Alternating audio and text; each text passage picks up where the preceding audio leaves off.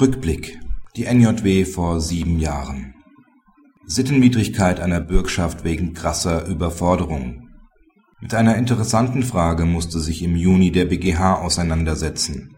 Schließt die Möglichkeit einer Restschuldbefreiung gemäß § 286 fortfolgenden Insolvenzordnung eine Anwendung der Grundsätze der Sittenwidrigkeit einer Bürgschaft wegen finanzieller Überforderung aus eine Antwort aus Karlsruhe gab es dazu bislang nicht.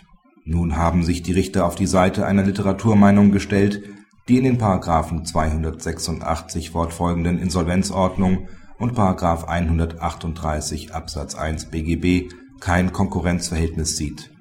Zweck des Restschuldbefreiungsverfahrens sei es nicht solche Kreditinstitute, die die offensichtliche Willensschwäche eines finanziell Überforderten zur Durchsetzung ihrer vermeintlichen Interessen ausnutzen, zu schützen (NJW 2009, Seite 2671 in diesem Heft).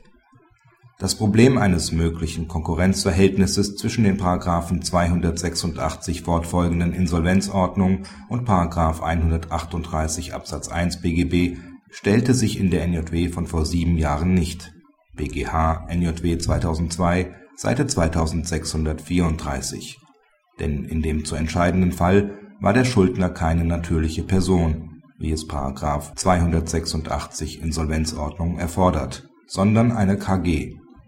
Von großer Bedeutung war die Entscheidung dennoch hat sich der BGH doch mit der Anwendbarkeit der Grundsätze zur Sittenwidrigkeit einer Bürgschaft finanziell überforderter Angehöriger bei Kommanditisten befasst